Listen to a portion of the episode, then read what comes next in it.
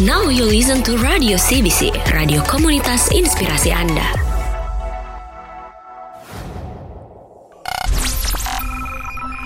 CBC Special Day.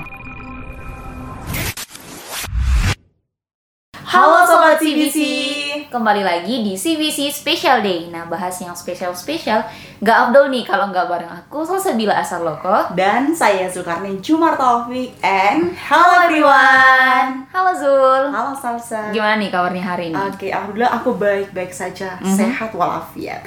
Nah tapi kalau dari Salsa sendiri gimana nih? Nah aku lagi luar biasa banget nih Apalagi kemarin habis nonton filmnya John Wick. Filmnya lagi trending banget di bioskop Tapi jangan salah, selain film internasional Ada juga loh film dari Indonesia Yang tembus ke mancanegara. Seperti KKN di Desa Penari Kamu nonton gak sih? Oh, Betul-betul kalau nonton sih belum say. Tapi mem- memang betul kalau misalnya film itu trending banget ya sampai Iya. internasional. Bahkan di berbagai media ya yang saya lihat seperti di TikTok itu FYP banyak banget tentang film ini tuh salsa Nah keren banget sih emang KKN Desa Penari apalagi ya kemarin untuk ambil kursi di bioskop aja susah banget karena antrinya lama peminatnya Wow. banyak. Nah ngomong-ngomong tentang film nih tanggal 30 Maret hari ini diperingati sebagai Hari Film Nasional. Wow, keren ya. banget. Nah kayaknya seru nih kalau kita bahas tentang film pada podcast kali ini. By the way, ngebahas film ini cuman kita berdua nih. Enggak dong, kita enggak kita kan nggak pro ya Nah, tentang itu, itu, film. betul. Nah, kita hadirkan gestar yang tentunya keren, Ah, kece dan tuh? paham tentang dunia perfilman. Kak Azari. Halo, Yeay. halo Kak Zari. Halo, Halo, Kak. Nah, gimana nih kabarnya Kak Zari siang hari ini? Eh, Alhamdulillah baik ya. Alhamdulillah baik ya. Iya. Kak. Oke, sebelum kita ngebincang berbicara tentang film, mungkin bisa nih Kak Azari kenalin diri kakak kepada seluruh sobat CBC eh, di mana pun berada. Silakan. Eh, jadi perkenalkan nama saya Andi Asari Syarif, biasa dipanggil Asari. Saya dari Ilmu Sejarah, angkatan 21, Fakultas Ilmu Budaya dan saat ini sedang menjabat sebagai Ketua Umum Liga Film Mahasiswa Universitas Hasanuddin. Wow, Wow, keren jadi ya. Unhas ini punya liga film buat kamu yang tertarik dunia perfilman. Nah, kalau boleh tahu nih Kak, sudah berapa lama sih menjabat sebagai ketua liga film? Eh, ya ini menjabatnya barusan ya di baru dilantik kemarin bulan Februari dan ya karena UKM film itu sistematikanya satu tahun untuk satu proyek pengurusan jadi barusan menjabat. Jadi baru beberapa bulan ya Kak? Iya baru beberapa bulan betul. Tapi untuk join di UKM sendiri di Liga Film ini sejak kapan Kak? Joinnya itu tahun 2021 ya waktu pas awal jadi Maba. ya Wah, langsung keren, Keren banget. banget. Ja- Jadi maba udah produktif. Berasa sedikit insecure nih gue. Enggak sih, pada saat maba kita Iya. masih uh, fokusnya sama akademik saja kan? Iya, kupu-kupu enggak sih kuliah pulang kuliah pulang. Nah, kakak nih berarti udah uh, ini ya udah satu tahun lebih di dunia uh, di liga film. Nah, kalau untuk kakak sendiri film itu apa sih kak? Kalau secara definisinya dulu ya, kalau definisinya itu film adalah sebuah media yang digunakan untuk mengaplikasikan sebuah karya visual bergerak atau moving visual art biasa kita eh, sebutnya seperti itu. Kalau film sendiri kalau secara subjektif ya, Ya. itu suatu karya seni yang menembus ingatan, memori yang tertancap pada sebuah layar dan meresap ke hati. Asih, Wow, wah dalam banget gak sih? asik. Nah tapi kalau dari Sal sendiri gimana nih tentang film? Ya kalau film buat aku sendiri ya tempat untuk mencurahkan stres, apalagi Oh, kalau tugas udah banyak. Oh, betul. Jadi kita larinya ke film aja sih Zul. Nah, eh, Tapi kalau boleh tahu kakak sendiri tuh tertariknya di dunia film itu sejak kapan? Tertarik di dunia film itu sejak masih SMA kelas 2 di mana pertama kali buat film pendek tapi itu tidak resmi karena tidak distribusikan hanya untuk pemenuhan tugas Uh, karena uh, masih belajar kan pada waktu itu dan pastinya di situ sudah mulai tertarik bilang wah ternyata uh, membuat film ini uh, seru juga ya kita bisa menciptakan dunia yang kita inginkan dan tidak hanya sekedar di pikiran saja kita bisa mewujudkannya melalui eh, gambar yang bergerak seperti itu. Keren. Jadi dari SMA kemudian lanjutin di uh, kak di tingkat universitas ya. Iya. Konsisten Jadi banget. emang sesuai hobi ya. Ah, ah, betul. Tapi untuk ketertarikan nonton filmnya sudah dari kecil. Dari kecil. Iya, membuat konten-konten itu mulai dari SD. Pertama Wow. kali ya diberikan eh, HP kan yang ada kameranya itu yang masih HP jadul ya. jadul lah ya. Dan tertarik untuk buat apalagi eh, ada musikal video yang biasa cuplikannya di TV pada saat, pada saat dulu itu tertarik untuk buat remake remake eh, musikal video tersebut tapi bukan aku eh, aktornya tapi dari adik ataupun teman-teman sekitar jadi aku yang videoin Di belakang layar ya, Kak. iya jadi Nah, eh, sebagai ketua Liga Film, masih aktif nggak sih Kak untuk produksi film? Untuk saat ini masih aktif. Eh, kemarin tahun tahun ini eh, ikut berpartisipasi dalam iklan Honda. Tapi bukan sebagai orang balik layar, tapi sebagai aktor. Oh. Wah, keren. Jadi Iya. bisa ke mana-mana nih. Oh, jadi Liga Film nggak cuma produksi film ya Kak, bisa iklan juga. Iya betul sekali, bisa iklan juga karena ada beberapa program kerja di UKM UKM Liga Film dan beberapa program kerjanya menunjang untuk tidak hanya membuat film tapi membuat iklan ataupun copywriting. Oh, jadi luas ya Ah, jangkauannya. Soalnya aku pikirnya cuma buat film aja kan. Ah, Astaga. Oke, nah selain di Liga Film, biasanya kakak belajar produksi film itu dari mana?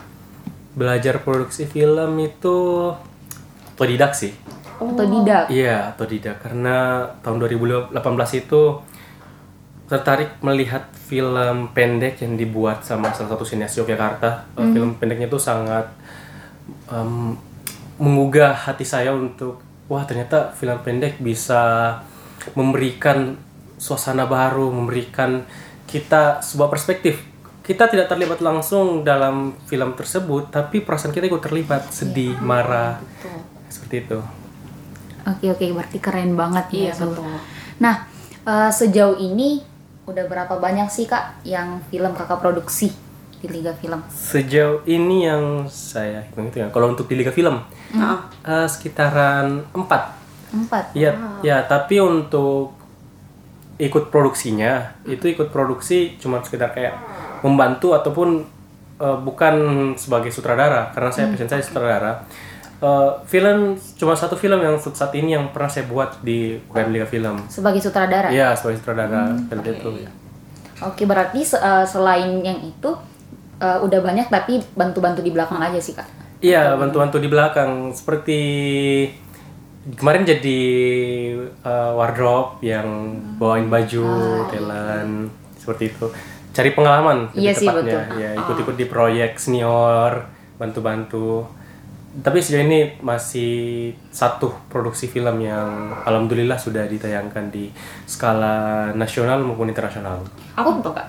Uh, ya judul filmnya itu Starlight. Uh, kemarin sudah ditayangkan di kalau bentuk regionalnya itu berhasil memenangkan Festival Film Makassar untuk Wow, berarti keren banget ya. ah, betul. Tapi kak, kalau sebelum produksi film biasanya ada nggak sih riset khusus yang dilakukan? kalau riset khusus untuk buat film pendek. Ah, ah. Untuk buat film pendek kan uh, ada berbagai jenis ini dan film itu uh, bisa kita kategorikan ada yang fiksi dan sebagainya dan dokumenter.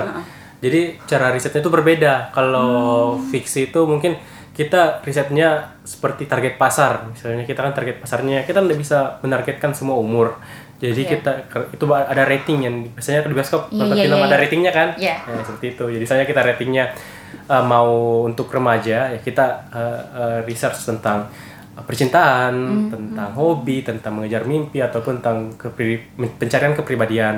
Kalau misalnya dokumenter ya perlu riset um, ilmiah tentunya dan itu betul-betul berbeda. Jadi butuh persiapan yang lebih untuk meriset dan ya pentingnya tentang targetnya dulu apa kalau mau meriset itu. Seperti Sih biar relate dengan penontonnya. Ya betul, film itu harus relate dengan penonton supaya ngena ke perasaannya. Iya sih, nah, benar banget. Nah, kan tadi kakak bilang bahwa uh, saat ini sebagai sutradara. Nah, ada nggak sih kak alasan khusus kenapa lebih milih sutradara uh, daripada scriptwriter atau mungkin uh, editor? Hmm. Kalau semua saya suka untuk kayak editor maupun penulis naskah. tapi eh, untuk sutradara itu bayangkan kalian bisa menciptakan dunia baru kalian dalam sebuah film. Film itu kan sutradara yang selain penulis yang membuat gagasannya, sutradara yang mengaplikasikan tulisan tersebut untuk menjadi sebuah gambar yang bergerak. Dan di situlah kita bisa menciptakan sebuah dunia baru di mana kita menciptakan sebuah karakter, kita menciptakan sebuah alur cerita, suasana dan lain-lainnya. Dan itu membuat saya takjub. Kenapa? Karena ini loh kita bisa bisa dengan estetika, bisa dengan eh, membuat sebuah karya dengan hal-hal yang begitu indah, begitu menggugah perasaan dan sebagainya sih. Wah, keren banget keren gitu. banget. Jadi kita dapat ilmu baru loh. Ya betul. Bahkan banyak ya. Oke. Yang sutradara itu yang mana sih? Yang yang kamera rolling action itu, Pak? Eh, tidak kalau Ah, betul betul ada Betul nggak betulnya sih? ada betulnya. Sorry ya Kang, soalnya aku nggak terlalu paham tentang dunia film. Makanya kita menghadirkan Sorry ya, sobat- yang Iya. Ya. yang paham nih. Ada ada benarnya tadi. Yang benar itu bila eh, saat bilang action. Oke. Kalau nanti sutradara itu biasanya kan kalau semuanya sudah siap nih di set ada kamera, ada eh, soundman yang siap rekam suara dan lain-lainnya itu nanti sutradara bilang eh, kamera, jadi nanti kameramennya bilang roll atau DOP-nya bilang roll, nanti sound bilang roll, nanti eh, ada namanya clapper yang Iya, iya. Yang ting ya betul betul. itu sih biasa banget dimain Ya. waktu kecil nggak sih itu? Hmm, dia nanti sebutkan scene berapa, take berapa, seperti itu. Lalu nanti sutradaranya yang bilang action. Oh, jadi sutradara bilang action doang Ah, gitu. Iya. Saya pikir mulai dari kamera, rolling action, semua sutradara ternyata tidak ya, Kak? Ya, itulah fungsinya kru. Oke. Wah, keren banget. Nah, eh, kan tadi kakak eh, menjelaskan bahwa beber- sudah ber- beberapa kali terlibat dalam produksi film. Film. Nah, ada nggak sih film yang kakak produksi yang berkesan banget buat kakak? Ini film pertama resmi saya yang saya buat film pendek yang itu Starlight yang di sutradara di mana itu betul-betul uh, membuka pandangan saya mengenai dunia perfilman di mana dunia perfilman itu bisa membawa banyak hal-hal yang baru dalam hidup saya. Itu sangat berkesan karena pertama itu kan kita di liga itu untuk men- masuk menjadi anggota outputnya itu harus buat film. Dan kami dipertemukan saat new normal 2021 de- dengan kru kru film Starlight. Dan caranya untuk kami beradaptasi dengan new normal men- menyesuaikan jadwal dengan perkuliahan dan menciptakan karya bersama-sama itu suatu hal yang betul-betul hal yang baru buat saya dan itu sangat berkesan kepada saya dan teman-teman yang eh, Starlight. Film Starlight ini produksinya tahun berapa sih kak? tahun 2021 2021. Iya. Dapat penghargaan tahun 2021 juga. Dapat penghargaannya itu baru di tahun 2022 karena 2021 kan masih new normal. Ya, eh, Film festival masih eh, film festival Makassar sepengetahuan saya ya eh, bel- eh, nggak tidak diadakan ya karena ah eh 2020 ya 2020 tiba-tiba loncat ke 2022 untuk film Oh, festivalnya. jadi di skip ya tahun 2021. Iya, karena itu tadi pandemi kan. Iya, betul-betul. Iya. Oke, itu kan tadi dari film yang diproduksi, Tah. Kalau dari film yang pernah kakak tonton, film apa sih kak yang paling berkesan? Eh, banyak hal yang film yang paling berkesan untuk saya dan sudah saya nonton. Eh, tapi untuk yang paling berkesan sekali itu filmnya ini film barat atau film Indonesia? Ya bebas sih kak. Ya. Eh, kalau banyak hal tapi kalau misalnya memang disuruh untuk milih salah satunya, eh, filmnya uh, sutra disutradarai oleh Wes Anderson, Grand Budapest Hotel. Ada yang pernah nonton? Wah, Jadi eh, Grand Budapest Hotel itu adalah film dari Wes Anderson dan filmnya itu betul-betul membuka pandangan baru sekali lagi pandangan baru dari perfilman. Eh, saat itu sudah saya sudah memproduksi Starlight namun saya kembali tergugah bahwa film itu tidak sebatas rekam action selesai. Itu betul-betul membuka hal yang eh, di luar sepengetahuan saya saat saya menonton Grand Budapest Hotel apalagi eh, saat karyanya Wes Anderson juga Friends Dispatch eh, itu menggabungkan sebuah unsur-unsur waktu eh, presisi antara warna dan kame- eh, penempatan kamera eh, betul-betul sangat indah jadi menurut saya. sinematografinya sih kak. Iya, sinematografinya. Jadi film tidak hanya sekedar cerita penempatan kamera ataupun tentang action saja. Jadi tapi banyak hal lagi yang perlu di kita kita jelajahi di film itu. Bener banget.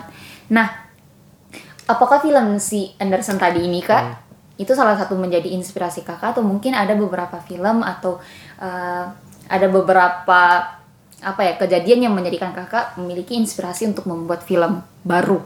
Hmm. Untuk Wes Anderson baru barusan, tapi untuk yang saat mengerjakan Starlight itu saya banyak nonton film pendek yang terutama dari festival festival film yang sudah tayang di YouTube dan platform film pendek lainnya dan juga filmnya Kak Risa yang sutradaranya ADC 2. Ah, Iya. ya ada apa dengan cinta? Iya, itu filmnya Ari Risa. Ada beberapa, ada beberapa filmnya selain ADC kan. Eh, dan filmnya Angga Sasongko, Mencuri Raden Saleh. Karena Mencuri Oh, Raden Saleh. iya, iya, iya, iya. sutradara- Sempat- sempat ya, baca. sutradaranya Mencuri Raden Saleh itu Angga Sasongko, eh, Nyiri-Ngiri Sedap. Iya ya. Ya, itu jadi juga sutradara itu itu salah satu eh, sutradara yang menginspirasi saya juga untuk membuat film. Ada nggak sih kak alasan khusus pilih film itu untuk dijadikan inspirasi? Karena syarat akan filosofis sih. Syarat sekali akan uh, pemaknaan cerita uh, penempatan kameranya betul-betul uh, bukan hanya bukan karakternya menurut saya ya, bukan karakternya yang berbicara namun filmnya yang berbicara penempatan kameranya. Misalnya penempatan kameranya saat sedih itu dia betul-betul tahu penempatan kamera di mana supaya penonton bisa ikut terhanyut dalam kesedihan itu. Uh, teman-teman mungkin pernah nonton uh, yang jauh yang jauh jangan lupa pulang Eh, pernah dengar tapi nggak belum nonton Iya, sih. eh, itu adalah segala cerita dari nanti kita cerita hari ini. Hmm, oh ya. Iya, yang terkarya terbaru Agnes Songko dan dia menggabungkan unsur eh, waktu dan sisi dari penonton supaya penonton juga bisa ikut terhanyut dalam film tersebut ikut ikut merasakan dari kesedihan main karakter ini dan itu saya terapkan di film saya Starlight di mana penonton ikut terlibat dalam eh, penentuan alur cerita film yang saya buat. Wah, Jadi nggak semudah itu ya, nggak semudah itu Ferguson. Oke, kak biasanya kalau kita produksi film eh, apa sih tahapan yang paling sulit? tahapan yang paling sulit kan eh, tahap pembuatan film itu ada empat. Yang pertama ada pra produksi, lalu ada produksi, ada post pro atau pasca produksi, dan eh, distribusi. Ya dan menurut saya yang paling sulit itu post pro atau pasca produksi di mana terkadang eh, itu pasca produksi itu kita sudah selesai prepare, kita sudah selesai syuting, tinggal edit. Uh, ngedit dan menggabungkan uh, suara, komposer musik dan lain-lainnya itu merupakan hal yang sulit menurut saya karena membutuhkan waktu yang lama. Uh, kadang kalau ada file yang hilang atau ada file yang belum uh, terdata itu betul-betul uh, sulit untuk kita bersama editor untuk Iya. dijahit di dalam aplikasi editing. Oh parah banget sih kalau misalnya ada file yang hilang. Iya. Jadi kalau- harus ngetek ulang. Iya, kemarin kejadian begitu tuh buat Starlight. Eh, ada file yang belum ada kayak kami kelupaan untuk Iya. syuting beberapa tempat ataupun ada yang menurut saya dan mentor saya bilang ini kurang bagus makanya Take ulang. retake. Iya. Dan Emang itu- effort banget ya butuh butuh banyak effort buat ngebuat sebuah film. Nah, eh, gimana sih kak menurut pandangan kakak? eh, menurut pandangan kakak minat eh, anak muda zaman sekarang tentang perfilman? Menurut saya, menurut saya minat perfilman eh, untuk anak muda di Indonesia untuk sekedar mengkonsumsi film itu sangat tinggi. Bisa terlihat datanya pas setelah pandemi yang rilis tadi KKN Desa Penari. Iya. Lonjakannya sangat tinggi kan, hampir 11 juta sekarang penonton eh, yang menonton. Dan tinggi sekali untuk mengkonsumsi film. Tapi untuk pembuatan film terlibat langsung dalam pembuatan film itu mas menurut saya masih agak kurang karena eh, beberapa mungkin dari sosialisasi ya atau eh, jurusan-jurusan mengenai perfilman yang secara spesifik tentang perfilman itu masih agak kurang apalagi di Sulawesi Selatan. Eh, tapi ada di sini kan universitas eh universitas sekolah tinggi yang di di Rapang eh tentang perfilman, perfilman dan film dan TV kalau tidak salah. Oh. Tapi selebihnya untuk di daerah-daerah seperti di luar Makassar itu masih sangat kurang untuk sosialisasinya dan mungkin uh, seperti itulah kenapa masih agak kurang. Tapi untuk konsumsi film uh, untuk menonton, sekedar menonton, menikmati itu sangat tinggi. Ya, Jadi banyak ya yang nonton tapi produksinya masih minim banget nih Zul. Iya. betul. Nah, tapi kak biasanya kan banyak nih orang yang nonton eh, nonton film cuma sekedar karena suka atau kayak backgroundnya yang dia suka tanpa eh, mereka paham apa sih sebenarnya eh, pesan dalam film ini. Nah, kalau dari kakak sendiri nih bagaimana sih agar pesan tersirat dalam sebuah film itu tersampaikan kepada audiensnya? Hmm, kalau saya ya yang untuk menyampaikan sebuah pesan kepada audiens itu Iya. Pertama yang tadi saya sudah sebutkan pas eh, target pasar kan? Lalu setelah misalnya eh, target pasar saya remaja. Nah terus saya ingin menyampaikan sebuah pesan mengenai kita ambil contoh dua garis biru. Ya, pernah Iya, nonton? Iya. dia kan eh, mensiratkan pesan tentang eh, education sex, Seks, ya, di remaja. filmnya. Iya. Dan dia sampaikan itu di dalam pesan film meskipun banyak yang tolak kan? Iya. Karena Kontroversial dia- ya Iya, kontroversial karena dianggap tabu. Dan seperti itu mungkin contohnya untuk menyampaikan sebuah eh, pesan di dalam sebuah film di mana kita targetkan misalnya karena film tidak hanya berfungsi sebagai media hiburan tapi juga berfungsi sebagai pe- media pendidikan, media bahkan media propaganda. Film film itu. Ya contohnya eh, media propaganda hmm, film ini yang kalau di Indonesia pas Orba G30S. Itu Oh, kan iya, iya. film ber- bertipe propaganda dan masih banyak lagi tentunya kalau boleh disebutkan. Nah, eh, ngomong-ngomong tentang film yang kontroversial nih kak, Hmm. menurut kakak ada nggak sih film yang menurut kakak ini berhasil banget nih film untuk menceritakan ke penonton ceritanya? Nah, atau ada nggak sih kak film yang menurut kakak ini gagal nih? Oh. Aduh, kalau yang menurut saya yang berhasil ya itu tadi. Nah, salah satunya, salah satunya nah. Kakak Desa Penari. Nah, teman-teman kan awalnya tahu Kakak Desa Penari dari eh, Cerita. tweet Twitter. Iya. Tah, eh, di Twitter terus berkembang menjadi sebuah cerita di diceritakan sana sini terus eh, setelah itu ada sekitar satu atau dua tahun ya eh, terbitlah filmnya Iya. kayak Desa Penari dan teman-teman sampai sekarang tahu di mana lokasi syutingnya atau ada sudah informasinya nggak tahu sih kak. tahu masih sembunyikan kan dan iya, dia iya. berhasil untuk kenapa dia eh, dia berhasil eh, untuk untuk apa namanya menjaga eskuli, es, eksklusivitas eksklusivitas ya dari sebuah dari sebuah filmnya karena ya bayangkan saja kalau misalnya wah film film di Kakek Desa Penari ini eh, tempat syutingnya di mana ya dan terus itu dibicarakan ke orang-orang dan bahkan orang yang tidak bisa tidak men, salah contohnya nah yang tidak bisa yang belum menonton film tersebut tertarik. Waduh saya mau nonton juga ya karena teman-teman pada cerita tempatnya di mana karena saking misteriusnya ataupun ini kejadiannya benar atau enggak sih? Karena dari tweet Twitter kan dan em, itu menurut saya berhasil dalam menyampaikan dalam promosikan filmnya sih lebih tepatnya. Kalau untuk film yang menurut kakak ini filmnya nggak bagus nih, gagal nih, nih film. Ada nggak sih kriteria khusus untuk kakak sendiri? kalau secara subjektif ya ini Iya, iya. subjektif Eh, karena saya juga masih baru dan untuk menjustifikasi sebuah film itu eh, bukan eh, ranah saya itu ranah kritikus film tapi untuk menurut saya film yang gagal itu adalah film yang pertama tidak mampu menjangkau suasana hati penonton Eh, yang kedua itu pesan yang di- ingin disampaikan dalam film tersebut tidak mampu tersampaikan kepada penonton. Yang ketiga distribusi film eh, tersebut tidak terjalankan. Di mana? Maksudnya distribusi film ini filmnya selesai dibuat tapi tidak tahu di mana mau ditayangkan. Oh, kan rugi kan kalau seperti Iya itu? betul.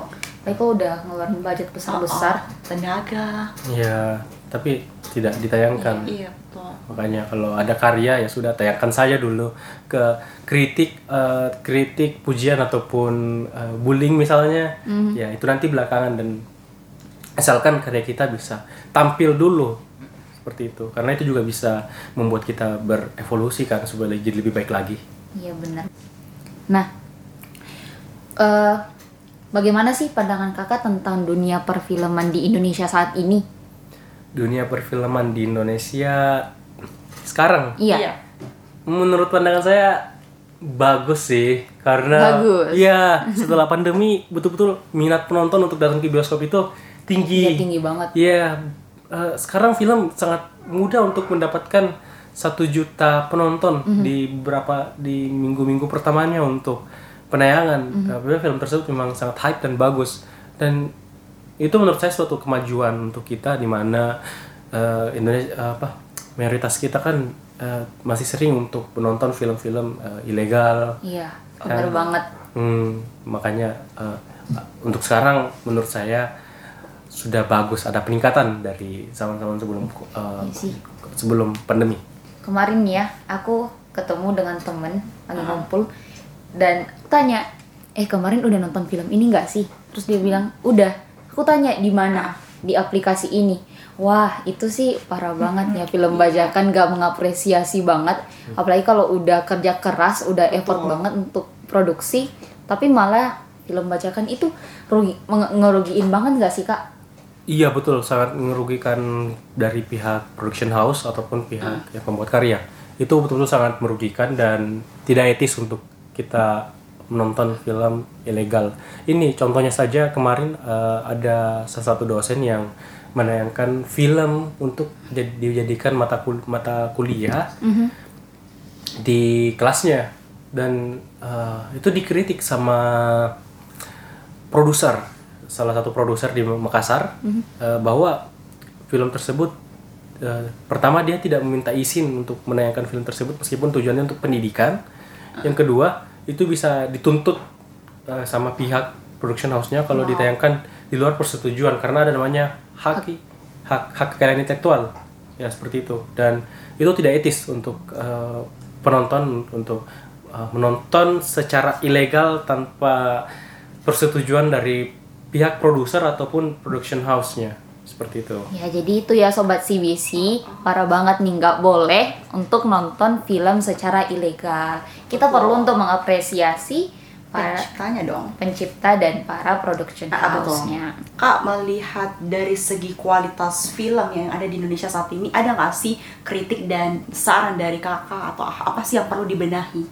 Kalau dari sayanya ya, eh, pertama itu mungkin eh, tadi saran ya sama kritik. Saran sama kritiknya mungkin pertama dari penontonnya dulu deh. Dari penontonnya eh, kan kebanyakan penonton di Indonesia itu lebih suka nonton film horor. Iya betul. betul kan dan biasanya uh, film-film lain diabaikan dan apalagi yang kemarin itu ada film yang dibuat sama uh, bumi lang bumi langit. Bumi langit tentang yang kalau tidak salah bumi langit yang tentang superhero. Yang Gundala? yang kayak Gundala ya Gundala dan bumi bumi, ya. Gundala dan Sri Asi Iya. ya sama Virgo kemarin. Tapi dia kurang dapat apresiasi. Padahal filmnya sangat bagus dan karena kita kan eh, sekarang lihat film Marvel film DC betul-betul mendapat hype-nya sekali. Dan terus eh, ini eh, di Indonesia ber- eh, ada production house yang mencoba untuk membuat superhero nya superhero Indonesia sendiri. Tapi itu eh, kurang mendapatkan kurang mendapatkan perhatian sama publik. Ya dan itu mungkin yang pertama. Jadi kalau ada film bagus eh, tontonlah sekali-sekali lihat apresiasi karya teman-teman. Eh, mungkin dan kalau dari segi filmnya saya tidak tahu saya bisa mengkomentarin atau tidak karena saya merasa belum cukup kompatibel dalam hal tersebut. Tapi kalau sebagai penonton saya sebagai penonton eh, mungkin dari segi visual efeknya ya mungkin sama CGI-nya Eh, wat- mungkin karena teknologi juga belum memadai dan pendanaan yang belum cukup untuk sampai sana yang menyimbangi film-film Hollywood makanya uh, masih agak minim untuk penggunaan CGI ataupun visual effect yang betul-betul tidak terlihat seperti visual effect paham gak sih Iya iya iya. Iya kan? Yang kayak real banget. Iya, yang kayak real banget seperti itu. Itu mungkin uh, saran saya seperti itu sih mungkin sama kritikannya. Oh iya, sama ini lingkungan dalam produksi film. Lingkungan saat memproduksi film itu betul-betul perlu di perlu diperhatikan karena kadang yang kemarin kasusnya ada sutradara yang uh, semena-mena terhadap krunya dan selain uh, semoga lingkungan dalam produksi film itu tidak tidak tidak sampai ke toksik lagi lah seperti itu. Iya bener banget. Nah kalau untuk harapan kakak sendiri di dunia perfilman di Indonesia ke depannya Hmm, apa sih kak? harapan saya untuk dunia perfilman di Indonesia ke depannya itu pertama pemerhat perhatian terhadap film kepada sinias-sinias lokal Mhm. khususnya di Makassar Sulawesi Selatan bisa diberdayakan lagi lah oleh pemerintah setempat. Bukan hanya di Sulawesi Selatan tapi di seluruh pelosok eh, negara seluruh pelosok yang ada di Indonesia. Karena film tidak hanya seperti saya bilang tadi film tidak hanya sebagai eh, hiburan Eh, saya mengangkat penelitian saya gagasan kreatif tentang bagaimana sebuah film mampu meningkatkan eh, ekoturism di Kabupaten Bulukumba jadi eh, ada beberapa film yang sudah mengambil latar syuting di Kabupaten Bulukumba, ya, Pantai Bira, kalau Iya, teman-teman iya. tahu.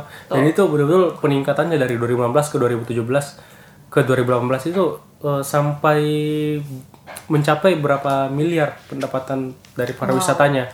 Investor tertarik dan dan itu betul-betul sangat media power dari film ini. Betul sangat bisa kita andalkan. Makanya seperti tadi sosialisasi sosialisasi mengenai perfilman pembuatan film pembuatan konten dan sebagainya perlu ditingkatkan lagi lah. Tidak hanya para teman-teman yang tahu film saja eh, yang mereka berkumpul membuat membuat kelompok berhenti ilmunya berhenti sampai situ. Tapi saya berharap teman-teman bisa sampai ilmunya sampai ke daerah-daerah bukan hanya dari kota-kota besar Oh, tapi sampai ke pelosok ya. Iya, supaya bisa muncul karya-karya lokal yang memberdayakan daerahnya masing-masing lah, seperti itu. Mungkin Jadi, saya. eh, berhubung sekarang tanggal 30 Maret ya dunia eh, kita memperingati sebagai Hari Film Nasional. Penting banget nih sobat CBC untuk mengapresiasi terus ki- mari kita untuk mempromosikan dunia perfilman di Indonesia sendiri. Iya, Betul. betul. Oh, satu lagi. Ya, saya tuh, Kak? kelupaan. Jangan nonton film bajakan Wah, iya karena banget. iya mampu merugikan production house dan jika mampu merugikan production house itu bisa menghentikan produksi film Hmm. dan sangat berdampak pada industri kreatif dan itu bisa mematikan mata pencarian orang-orang yang bekerja di industri kreatif. Hmm. Jadi eh, jangan sampai lah kalau bisa sampai sempatkan nonton di bioskop atau ah, kan ada yang sekarang eh, Platform iya iya. platform yang berbayar ataupun yang eh, disediakan gratis tapi lisensinya sudah dibeli sama Iya. eh, pihak-pihak tertentu ya, teman-teman bisa nonton lah di situ daripada eh, download ilegal kan Iya benar banget. Itu sih parah banget sih. Betul. Nah, mari kita majukan industri perfilman di Indonesia. Bersama-sama kita membangun industri kreatif di Indonesia. Nah, kita mendapat banyak ilmu baru nih dari Oh, Kak Azari. Tidak hanya kita dong, kepada sobat-sobat CBC juga nih. pendengar setia. Uh-uh. Nah, eh, berakhir eh, sesi bincang-bincang podcast kita di sesi CBC Special Day. Nah, semoga apa yang menjadi pembicaraan kita pada hari ini teman-teman dapat terapkan dan ambil sisi baik dari podcast ini sendiri. Nah, kita lanjut cerita-cerita di episode berikutnya. Saya Salsabila Saloko Dan saya Sukarnai. serta saya Asari Syarif Wah, sampai jumpa di episode lainnya.